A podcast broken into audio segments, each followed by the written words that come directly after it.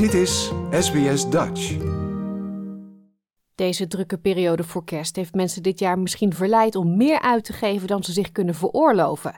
Buy Now Pay Later services, zoals Afterpay, zijn onder de loep genomen in een nieuwe studie van de Universiteit van Sydney. En uit het onderzoek blijkt dat deze diensten kwetsbare leners niet beschermen. Dit is SBS Radio Dutch. Buy Now Pay Later aanbieders zijn voor het eerst onder de loep genomen in een studie van de University of Sydney Business School. Uit het onderzoek is gebleken dat het aanzienlijk deel van de consumenten die producten als Afterpay en Zip gebruiken, kredietnemers met een hoog risico zijn. Ze zijn kwetsbaarder vanwege de grotendeels ongereguleerde aard van deze diensten. Buy Now Pay Later services, waar ongeveer 1 op de 4 Australiërs gebruik van maakt, bieden consumenten een betalingsalternatief door grote aankopen op te splitsen in een paar kleinere bedragen, die over meerdere weken moeten worden afbetaald.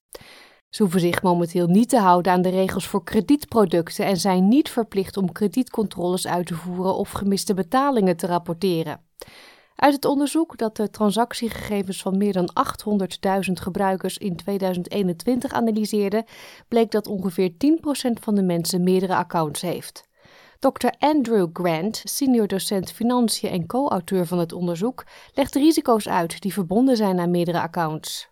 So what they're essentially doing is they're stacking debt on debt, and so effectively they've got a taste for the product and they've decided, well, why not get another one? And this is posing quite a big risk because a lot of this is unknown outside the financial services system. So people could be finding themselves in a lot more debt and needing to take out additional debt to pay off their buy now, pay later accounts.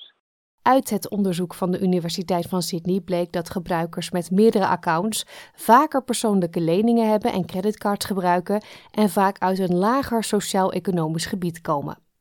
Diensten zoals Afterpay zijn er trots op dat een zeer laag aantal klanten hun schulden niet aflost.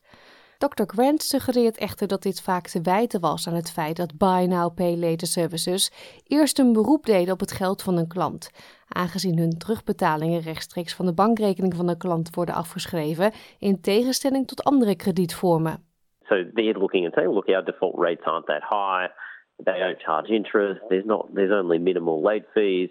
But we're not causing harm to the consumer without the understanding that the harm is not being caused directly, but maybe indirectly through uh, an inability to make payments on their credit card or uh, you know, people needing to go without um, what they really need in order to pay off their buy now, pay later debt. Buy Now Pay Later producten vallen momenteel niet onder de Credit Act en aanbieders zijn niet verplicht om de geschiktheid van de financiën van klanten te beoordelen, alvorens een kredietlijn te verstrekken. Tom Aborisk, senior beleidsmedewerker van het Consumer Action Law Center, legt de unieke context van deze diensten uit.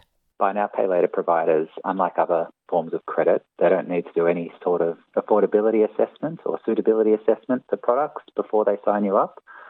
So when you go and open up an Afterpay account, all you have to do is provide your details and you get a line of credit. The same goes um, with a lot of other forms of buy now, pay later that actually offer, you know, in some situations, pretty significant amounts of money without any sort of assessment of your finances.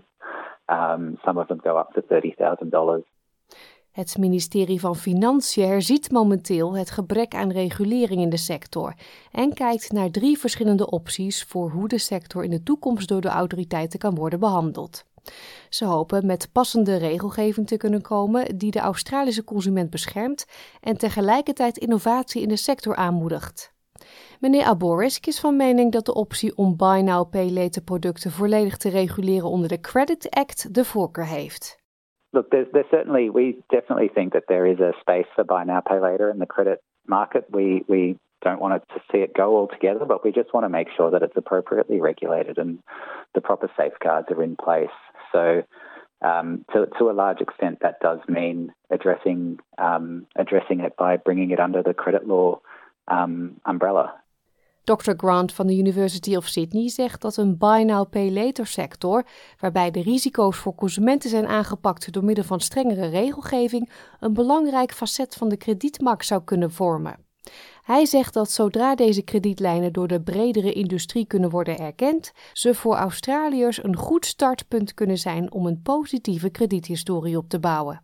they can actually benefit, and particularly the younger consumers and those from lower socioeconomic areas where buy now pay later is particularly um, particularly used quite a lot, can really benefit from having this on the on their credit report because if they get a if they demonstrate a good repayment history, they can be rewarded with lower interest rates and better deals on other products later on in life.